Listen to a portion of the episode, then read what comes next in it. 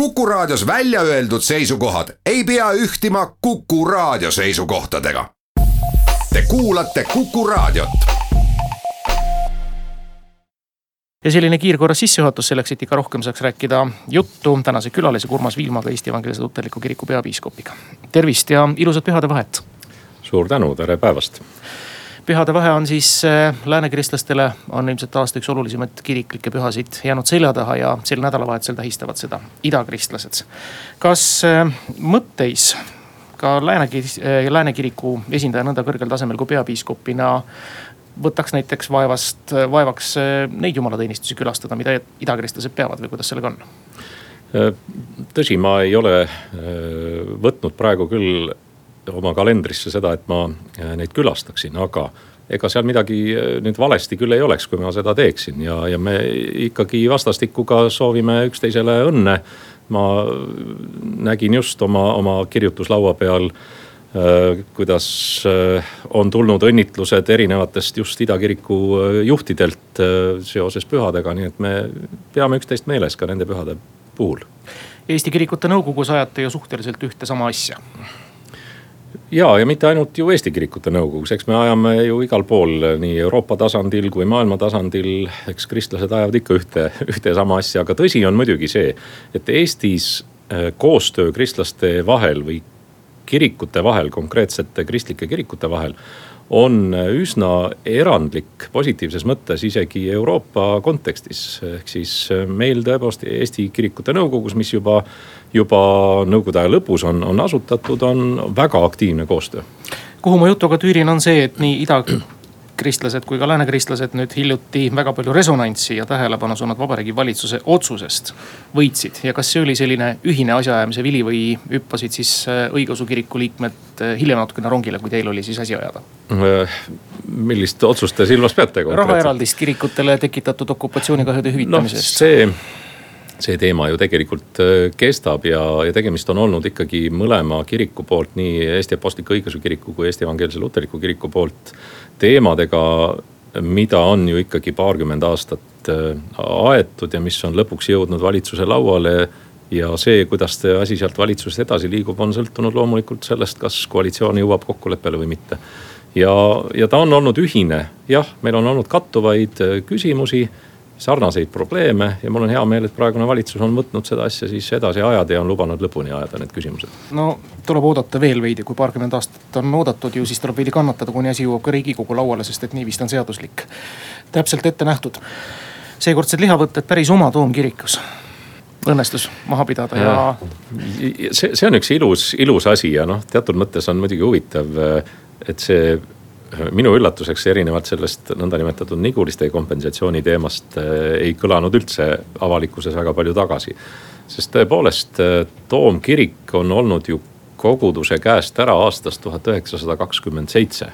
ja, ja tookord võttis riik selle kusjuures ära saksa koguduselt ja andis siis eestikeelsele kogudusele ja piiskopile tol korral kasutada ja, ja aegade jooksul sattus ta lõpuks Tallinna linnale nõukogude ajal ja jäigi sinna ja seda ei oleks saanud omandireformi seaduse alusel isegi mitte tagasi küsida. ja me alustasime selle teemaga, ma arvan, üks viis aastat tagasi koos, koos juhatuse esimehe Indrek Treufeldiga käisime tookordse linnapea juures ja, ja.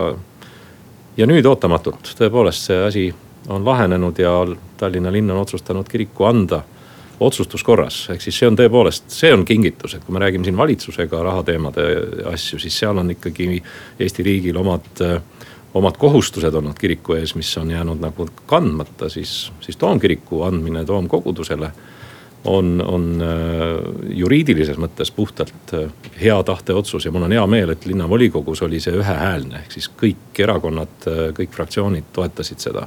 keegi ei olnud vastu, olid mõned erapooletud või ei hääletanud, aga, aga see oli erakondadeülene teema, mul on hea meel selle üle veebruaris täitus kolm aastat teie ametisse õnnistamist sel ametikohal ja selle ajaga te olete jõudnud päris palju. Te olete kiriku nähtavale toonud erinevate teemadega ja te olete, vahel tundub, et ka nimme sõna võtnud seal, kus süda ei kannata vaiki olla.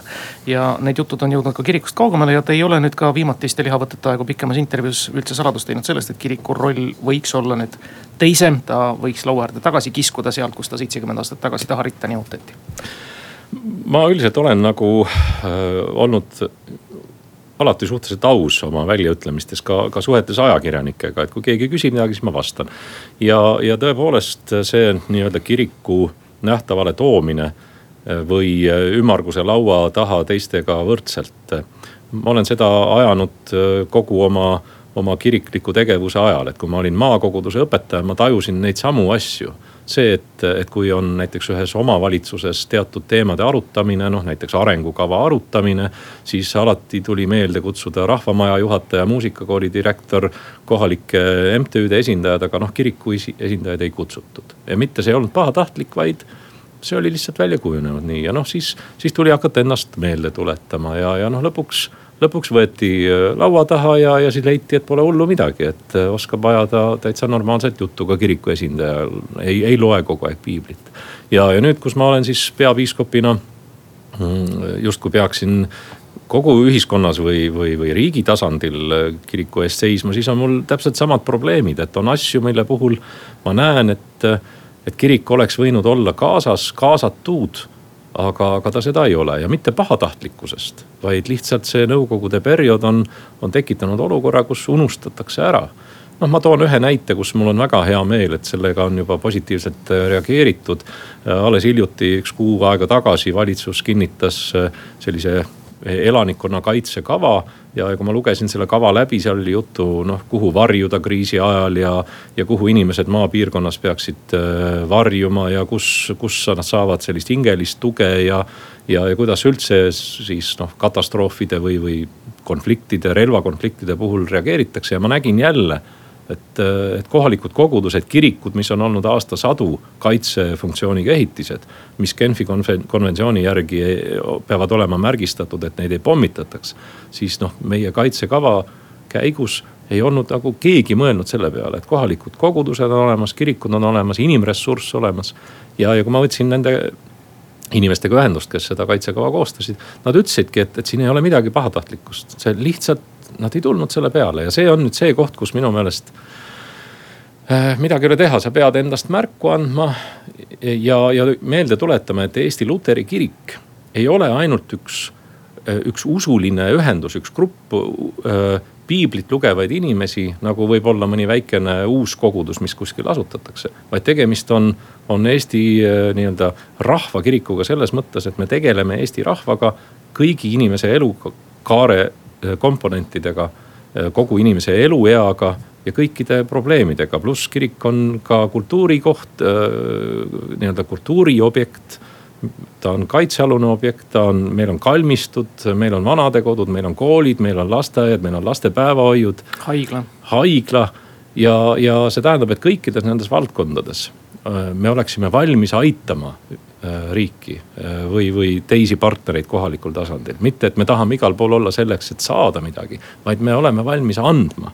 ja me tahame seda teha ja, ja see on võib-olla see, miks ma üritan siis ka endast märku anda, endast kui, kui kiriku esindajast kas see riigikaitse arengukava tehti ümber pärast seda teie kõnet? Äh, see on õnneks selles faasis, et, et sellele kaitsele või sellele kavale järgneb nüüd selline järgmine tasand, kus hakataksegi kokku leppima ka kohalikul tasandil, omavalitsuste tasandil neid, äh, kuidas rakendada seda. ja, ja tegelikult see ongi nüüd see, see võtmekoht, et kui nüüd kohalikus omavalitsuses kutsutakse kokku mingisugune töörühm ja hakatakse arutama seda, et kus hoida siis äh, jahukotte või, või kui on vaja, vaja toitu varuda või, või kuhu inimestel on varjuda, kui on mingisugune selline katastroof või. või et kirik oleks lahti, kui on, on inimestel hingeliselt vaja tuge. et et, et kirik teeb seda nagunii, aga hea oleks ju, ju ka proaktiivselt äh, neid asju kokku leppida, ehk siis me oleme, kenasti läks, läks see kohtumine nende, nende inimestega. ja, ja ma tajusin küll, et, et me, meid võetakse kaasa, ehk siis me, me oleme ju olemas nagunii, aga, aga mitte ainult selleks, et, et pühapäeval pidada jumalateenistust, vaid teenida inimest kogu tema olemusega ambitsiooni midagi muuta või otsustada tõusta sinna rolli Luuka evangeeliumis on vist see märge kirjas, et unustamisest on lühike samm uskmatuseni. meenutame kolmekümne kaheksanda aasta põhiseadust, seal oli ülemkogul või ülemises parlamendikojas oli ju kiriku esindajatel konkreetne roll ja see oli ametiga määratud parlamendiliikmel. kas midagi säärast, midagi sarnast? jah, ütleme siis vabariigi või kahe sõja vahel tegutsenud Eesti Vabariigi lõpuaastateks jõuti nii kaugele, et Eesti Apostlik-Õigeusu Kiriku peal ja Luteri kiriku piiskopil oli, oli siis ameti järgi määratud koht kahekojalises parlamendis, ma ei mäleta siis kummas, alam, alema ja ülemkojas. ja see oli ameti järgi, see on midagi, mida me näeme näiteks Anglikani kirikus, kus, kus piiskopid on oma ameti poolest kuuluvad, kuuluvad siis samamoodi ühte nendest kodadest, mul detailid ei ole meeles aga see nüüd ei ole tingimata see, mida me täna peaksime taotlema. tõsi, neid vorme, kuidas kirik ja riik omavahel koostööd teevad, neid on hästi erinevaid ja. ja, ja kui Eestis ka räägitakse riigikirikust, siis jääb mulje nagu, nagu see oleks midagi tavapärast. tegelikult on järele jäänud maailmas väga üksikud riigikirikud ja, ja need on ka Skandinaavias pigem liikumas selles suunas, et nad ei oleks riigikirikud noh, täna veel on, on Taani kirik, riigikirik, Islandi kirik, riigikirik. Norras veel on põhiseaduse sees säte, et vähemalt kuningas äh, peab olema luterlane. aga näiteks Soomes on, on äh, õigeusu kirik, äh, siis Soome apostlik-õigeusu kirik ja, ja luteri kirik on avalik-õiguslikud institutsioonid, nii nagu meil ülikoolid või, või Rahvusringhääling. aga Äh, ka see ei ole meie taotlus, tähendab, meil ei ole vaja mingisugust sellist äh, positsiooni. Äh, me tahaks lihtsalt, et, et see, mis on põhiseaduses väljendatud, et meil ei ole riigikirikut. et riigil ei ole lemmikut, et siis see ei oleks mitte, ei tähendaks seda, et see tähendab, et riik ignoreerib kõiki usulisi ühendusi, vaid vastupidi. see on nii nagu, kui mul on mitu last, mul ei ole lemmiklast aga see ei tähenda siis, et ma neid võrdselt ei armasta, ehk siis see tee, mille on Eesti riik valinud põhiseaduse tasandil, on, on väga-väga üllas.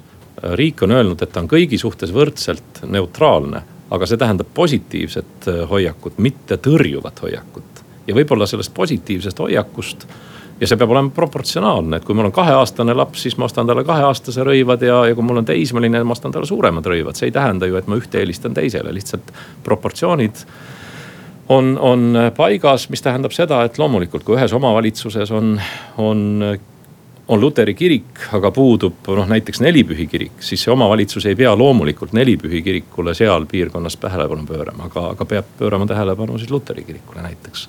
ja mitte ainult pöörama tähelepanu, vaid siis ega me ei taha muud kui kaasatust. et me oleks kaasas, saaksime anda oma panuse, nii nagu see meie missioon on kas sedasama õilist eesmärki, mida Eesti Vabariigi põhiseadus kannab ka näiteks Eesti Evangeelse Luterliku Kiriku, mis ta siis on põhikiri või mille, mis dokumendi järgi te tegutsete, andmaks siis ka demokraatlikku võrdset võimalust ja kaasatust absoluutselt kõigile, kaasa arvatud näiteks Annika Laatsile? ja no Annika Laats on meie kiriku vaimulik ja, ja tulin just täna, oli meil Lääne-Harju äh, praostkonna ehk siis sellise maakonnaga võrdse üksuse Äh, kevadine aasta koosolek ja see toimus just äh, täna Risti, Risti kirikus ja pidasime hommikul jumalateenistust kõik Lääne-Harju praostkonna vaimulikud, kaasa arvatud äh, Annika Laats. et kirikus on, on, kirikus peab olema printsiibina kõigile koht. see on nagu, nagu ühes perekonnas või, või ühiskonnas peab olema koht kõigile, ruum peab olema kõigile. aga on ju päris loomulik, et mitte kõik ühiskonnas ei täida täpselt sama rolli, ehk siis, ehk siis Äh, see, kes läheb kantslisse ja see, kes läheb orelisse või orelit mängima, need on ju kindlaks määratud ja noh, ei ole nii, et igaüks, kes täna tuleb jumalateenistusele, võib minna kantslisse jutlustama või igaüks, äh, kes on tulnud kirikusse, võib minna siis või, või rotatsiooni korras minna orelit mängima, et igalühel on oma roll määratud ja tõsi, siin on ju omad reeglid, kes võib minna kantslisse, milline peab tema ettevalmistus olema, millised on tema tema äh, siis äh, noh vaated, et ta toetab ka, ka seda, mida siis, et, et, et kes läheb orelit mängima, mängiks neid jumalateenistuse laule, mitte, mitte ei hakkaks mängima õllepruulijat näiteks. et, et need asjad ju tuleb, see on korra küsimus, need asjad tuleb kokku leppida ja, ja kui need asjad on kokku lepitud ja, ja kõik toimib, siis, siis on igalühel oma koht ja oma roll ja oma, oma ülesanne, nii nagu igal ihuliikmel. Äh, piiblis võrreldakse Kristuse kirikut ihuliikmetega, igalühel on oma roll ja nii on ju meie enda ihuga samamoodi. ja ega ma seda nime loomulikult kogemata välja ei lipsanud, lihtsalt minut on aega, üks teie välja käidud mõte põhiseaduse täiendamiseks on, ma saan aru, erinevates praaskondades leidnud päris elavat vastukaja ja arutamist. jah, tõenäoliselt sellest hakkame me ka rohkem rääkima, ehk siis meil on kaksteist praastkonda ja, ja täna on enam-vähem pooltes toimunud need aastakoosolekud ära ja sealt on praaskondade enda tasandilt tulnud toetus sellele, et põhiseadust võiks täiendada selle ettepaneku alusel, mille ma eelmisel aastal tegin, et abielu on mehe ja naise vaheline liit. ja, ja tõenäoliselt sellest meil juttu tuleb ja, ja minu enda hinnang on see, et kui me selle muudatuse saame teha, siis me saame liikuda edasi ja lahendada kõiki teisi probleeme ka, mis, mis praegu on tekitanud patiseisu. Te kuulate saadet stuudios on Urmas Viilma, Eesti Evangeelse Luterliku Kiriku peapiiskop. number kuus, kaks, üks, neli, kuus, neli, kuus ootab kuulajate kõnesid ja küsimusi, tervist. tervist. ma tahan Urmas Viilmalt küsida selle raha okupatsiooni, no ühesõnaga raha. ma, ma tahan öelda, et mina leian, et see on jultunud, see küsimus. kas Urmas Viilma ei tea Karl Reitsist, keda kutsuti turuprohvetiks, kes hoiatas nii palju meie riigi tegelasi hoiatas kirikutest, käis igalt poolt aeti välja ja ta ütles, et tuleb jumala karistus ja nüüd, kuna me ei ole jumala poole pöördunud ja nüüd te soovite seda raha kirikutele, mille eest? Nõukogude Eesti valitsuse ajal tehti ju korda Niguliste kirik. no ühesõnaga ja veel, mis ma tahan öelda ka, et kui katoliku paavsti siia kutsute, palun lugege ilmutuse kolmteist, seal väga hoiatatakse. paavst ei ole õige inimene jumal andke andeks, et ma lähen sassi, aga Urmas Viimale ma ütlen, et need rahad, mis praegu oleks pidanud minema nendele inimestele, kellelt Eesti uus vabariik võttis ära korterid. aitäh, proua, tundub, et inimene on piiblit tundev inimene. suur tänu, ma muidugi jagan äh, seda muret, et ühiskonnas on, on terve rida inimesi, kes on kogenud ülekohut ja ütleme siis, kui me räägime näiteks sundüürnikest, kelle, kelle poolt on tulnud tõepoolest äh, neid signaale, et et nende probleemid on endiselt õhus ja, ja nüüd iseküsimus on see, et, et kas, kas me saame öelda, et vot see raha nüüd kataks ära kellegi teise puudused või, või, või mitte. mis puudutab äh, Niguliste teemat, siis see on iseenesest ju väga huvitav olnud, kuidas Mm, nõukogude kord selle kiriku hävitas ja tegelikult nõukogude kord selle kiriku ka üles ehitas. Äh, mis tähendab seda, et, äh, et Eesti Vabariigi äh, okupeerimise hetkel oli see kirik püsti ja Eesti Vabariigi taastamise hetkel oli see kirik jälle püsti. ja tulemus on lihtsalt see, et kui Eesti Vabariik taastus, siis oli saanud see kirik, mis varem võeti ära Luteri kirikult, hoopis riigi omaks ja ja nüüd ongi siis küsimus, et seadus ütleb, ega siis meie ei ütle või kirik ise ei ütle. seadus ütleb, et Eesti riik peab selle kiriku kas tagastama või kompenseerima. ja, ja selles mõttes ongi valitsus hädas, nad peavad mingi otsuse langetama. aastaid või aastakümme me küsisime seda kirikut tagasi, aga riik ei tihanud seda meile tagasi anda nüüd me ütlesime, et hea küll, aga siis kompenseerige meile see kirik, sest äh, see on seaduse, seaduse alusel. ja, ja kui räägitakse, et nõukogude ajal, et maksumaksja ehitas selle üles, siis Eesti riigis ja ka nõukogude ajal oli maksumaksja samamoodi ka kiriku liige. et kui me täna ehitame spordikeskuseid ka nendele nende inimeste ja nende inimeste maksude eest, kes ise sporti ei tee või, või raamatukogusid siis me ei püstita selliseid küsimusi, et, et noh, ma ei kujutaks ette, et raamatukogusid peaks ehitama või üleval pidama täna ainult lugejate, kes sealt raamatuid laenutavad, siis toetusest või, või ainult nende rahast, aga. aga nii ta on, ülekohust on palju, aga meile on tundunud kirikutena, et, et meil on ka ülekohut tehtud ja, ja me, me ei ütle ju, et okupatsiooni on tekitanud Eesti riik me räägime, räägime siis okupatsiooniperioodil toimunud ülekohtust, mis toimus, toimus väga paljude suhtes, ka omanike suhtes ja mitte ainult kirik ei olnud äh, see omanik. eraisikud said ju ka oma maad ja metsad ja majad tagasi ja väga paljud ei osanud sellega midagi peale hakata.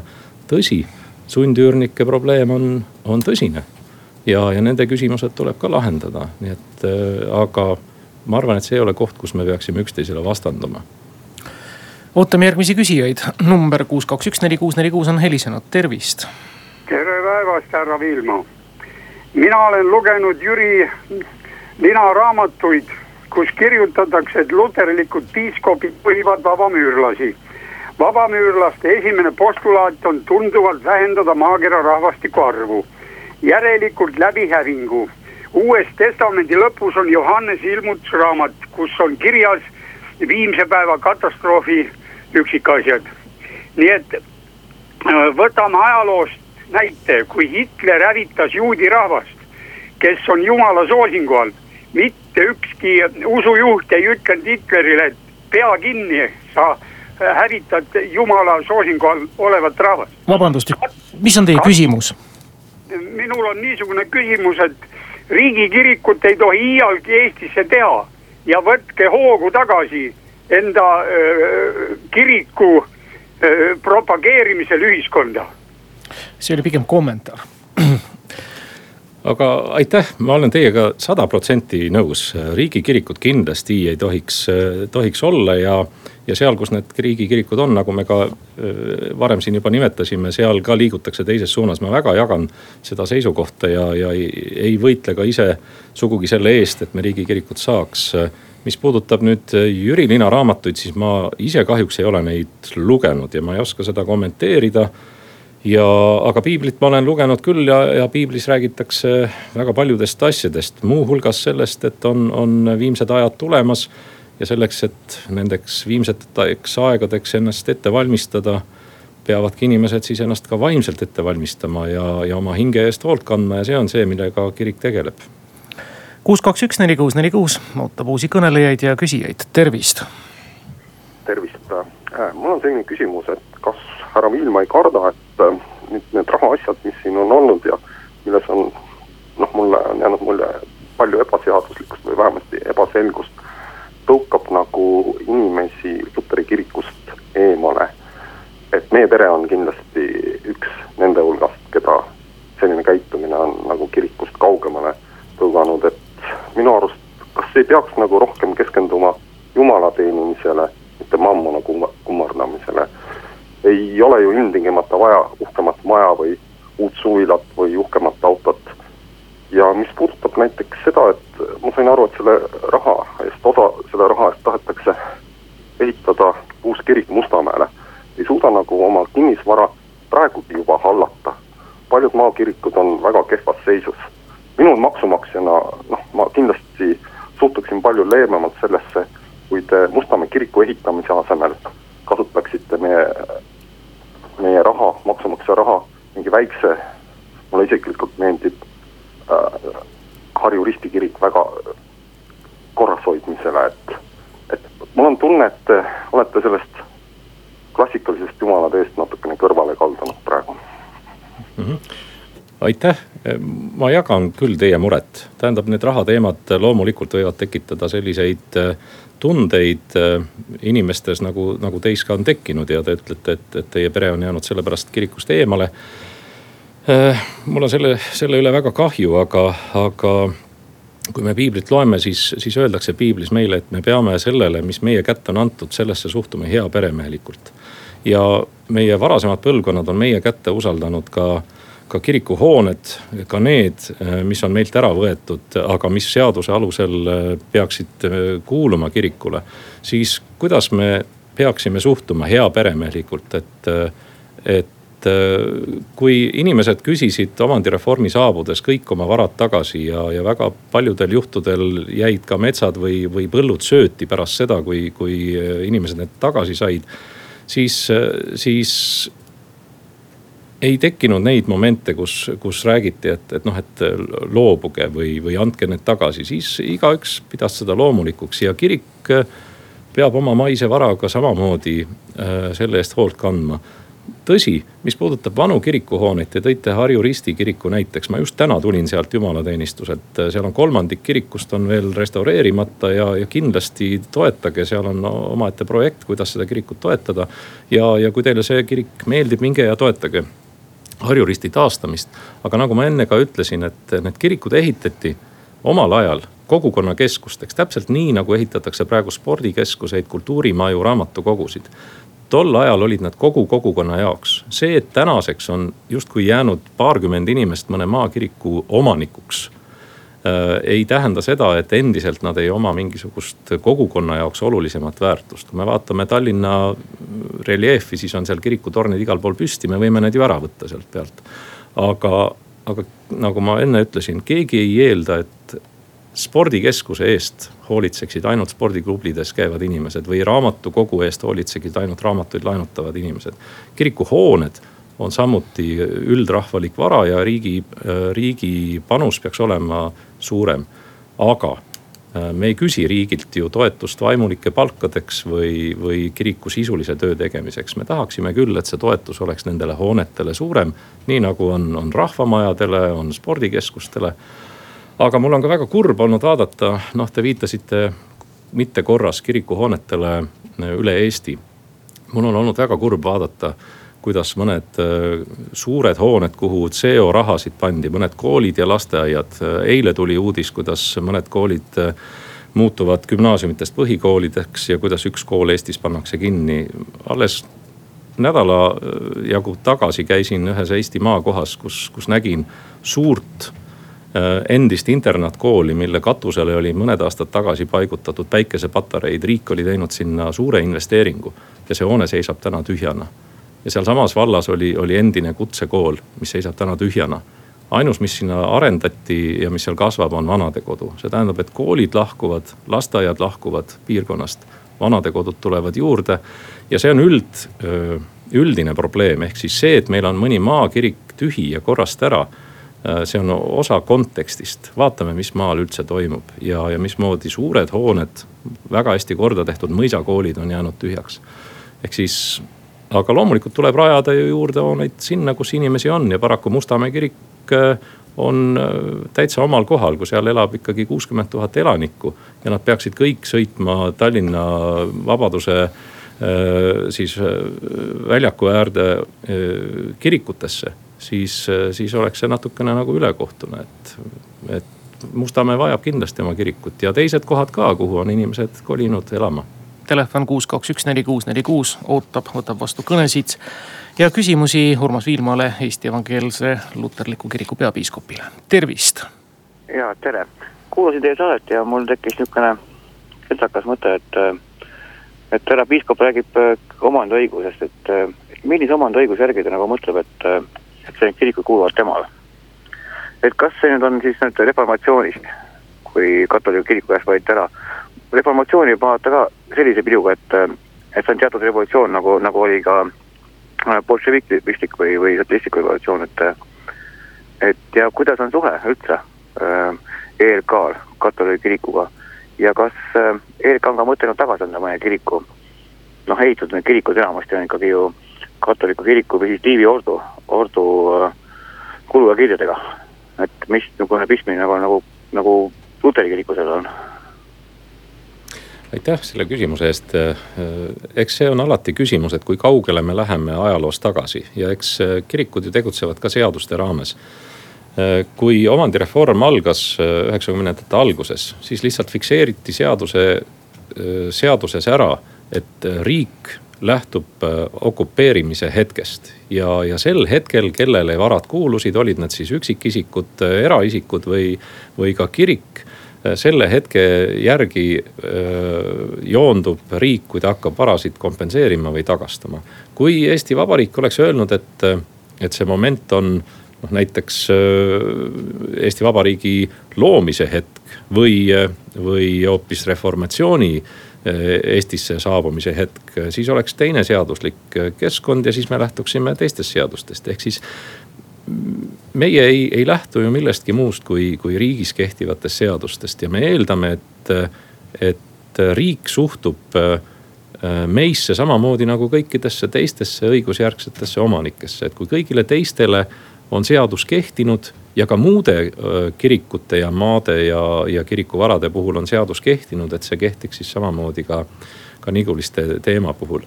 aga mis puudutab suhteid siis katoliku kirikuga, siis on meil suhted katoliku kirikuga suurepärased.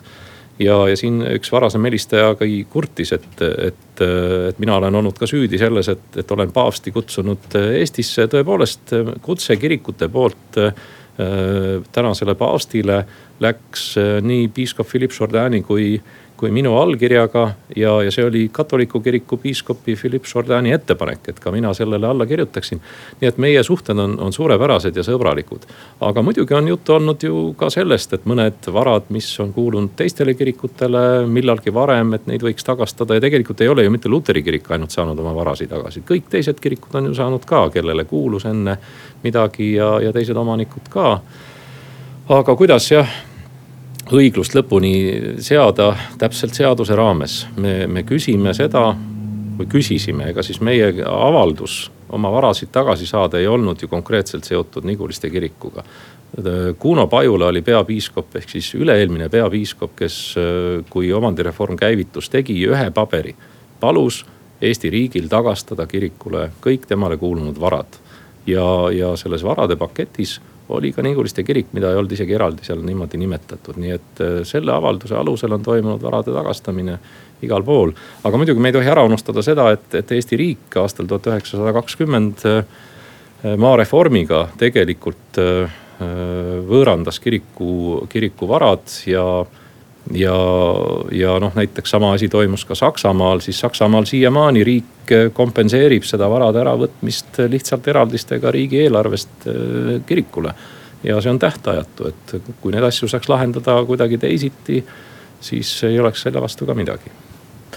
järgmine helistaja numbril kuus, kaks, üks, neli, kuus, neli, kuus, tervist. Nonii, siin kadus helistaja ära, aga tundub, et küsijaid täna meil jagub. kuus, kaks, üks, neli, kuus, neli, kuus, ootate kõnesid stuudios on Urmas Viilma, tervist. tere jõudu äh,, selline küsimus äh, teile, et äh, kuidas teie suhtute äh, sellisesse asja, et äh, Eesti haridussüsteemis sisse viia ikkagi selline asi nagu äh, ütleme, usundi kui selline õpetus. miks ma seda küsin, on just see, et järjest rohkem nagu ütleme, maailm on avatud, inimesed liiguvad ringi just, et valmistada siis noori ette just selleks, et kus erinevates kultuurides, millised on usundid, mis on nende plussid, loomulikult ka miinused, et just, just harida, harida ka noori lihtsalt selle koha pealt, loomulikult ei pea silmas seda, et, et nüüd need tunnid tähenda, tähendaksid nagu siis ütleme usku pööra, pööramist ja sellist küll, aga just, just nimelt hariduslikul, hariduslikul mõttel. ma tänan mm. -hmm ma väga tänan selle küsimuse eest, ma tõesti tänan selle küsimuse eest, ma olen ise olnud kahes koolis kokku kakskümmend aastat äh, usundiõpetuse õpetaja. ja, ja täna lihtsalt, et kuulaja natukene teaks, mis tänane seis on, tänane seis on, on nüüd selline, et, et meil on riiklik õppekava, äh, mis võimaldab anda just nimelt võrdlevat äh, usundiõpetust koolides. Aga tegelikkus on see, et umbes kolm protsenti on neid koole, kus, kus õpilased saavad seda ja umbes üks protsent on neid õpilasi, kes seda saavad. Ja, ja tegelikult on, on just nimelt äh, see, millele küsija viitas, see maailma avatus ja see, et väljaspool Eestit on usuküsimused loomulikud küsimused. Eestis on nad nagu isiklikud ja erandlikud küsimused.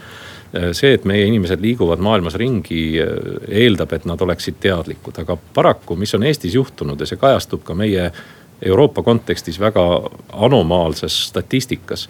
meie inimesed elavad nii nagu ikka keskmine Euroopa noh pisut sekulariseerunud äh, või ilmalikustunud kristlased, aga nad enam ei määratle ennast sellistena, nad ei oska. ja mis Eestis on juhtunud, on, on juhtunud see et selles valdkonnas, kui me muidu oleme teadmistepõhisele äh, haridusele äh, siis tuginevad, siis selles valdkonnas on, on Eesti haridussüsteem valinud teadmatuse ja mitte teadmiste andmise. ja, ja meil on juba teine põlvkond vabas Eestis sündinud inimesi. Esimene põlvkond on jõudnud otsustajate ringi ministeeriumites, seaduste kirjutajad, otsuste vastuvõtjad ja nad enam ei tea mida tähendab olla religiooni küsimustes kirjaoskajad. Eesti religioonialane kirjaoskamatus on Euroopa kontekstis katastroofiline. ja, ja selline aine nagu usundiõpetus võrdleval alusel oleks hädavajalik meie koolides tõsi, alternatiiv on ka see, millest on ka praeguse ministriga juttu olnud. et võiks vaadata teiste ainete õppekavad üle, et ajaloos vaadata üle, muusikaõpetuses vaadata üle, kirjanduses vaadata üle. ja need ained või need teemad sinna paremini integreerida, aga ka õpetajate pädevus on, on probleem, sest kui õpetajal on õigus ainekava piires jätta mõned teemad käsitlemata, siis paraku võib juhtuda see, et need teemad jäävad käsitlemata aga ma tänan selle küsimuse eest, tõepoolest, see on minu meelest koht, kus Eesti riik äh, käitub vastupidiselt äh, muudele valdkondadele. et kui on teadmistepõhisus äh, ja peavad olema inimestel otsuste tegemiseks head teadmised, siis religiooni küsimustes neid teadmisi kool ei, ei anna on erandeid siiski ja, ja nagu te ise ütlesite, olete ka mitmes koolis olnud õpetaja. aga me peame tänaseks kahjuks lõpetama, me ei jõua ühtegi kõnet vastu võtta, kui jõuaksime, siis Urmas Viilma oma põhjalikkuses ei jõua neile vastata. nagu teate, kirikuõpetajate kõned on teinekord natuke pikemad ja vastused põhjalikumad. aga suur tänu teile tulemast, Urmas Viilma, edu, jõudu ja jälgime loomulikult kiriku käekäikuga edasi. suur tänu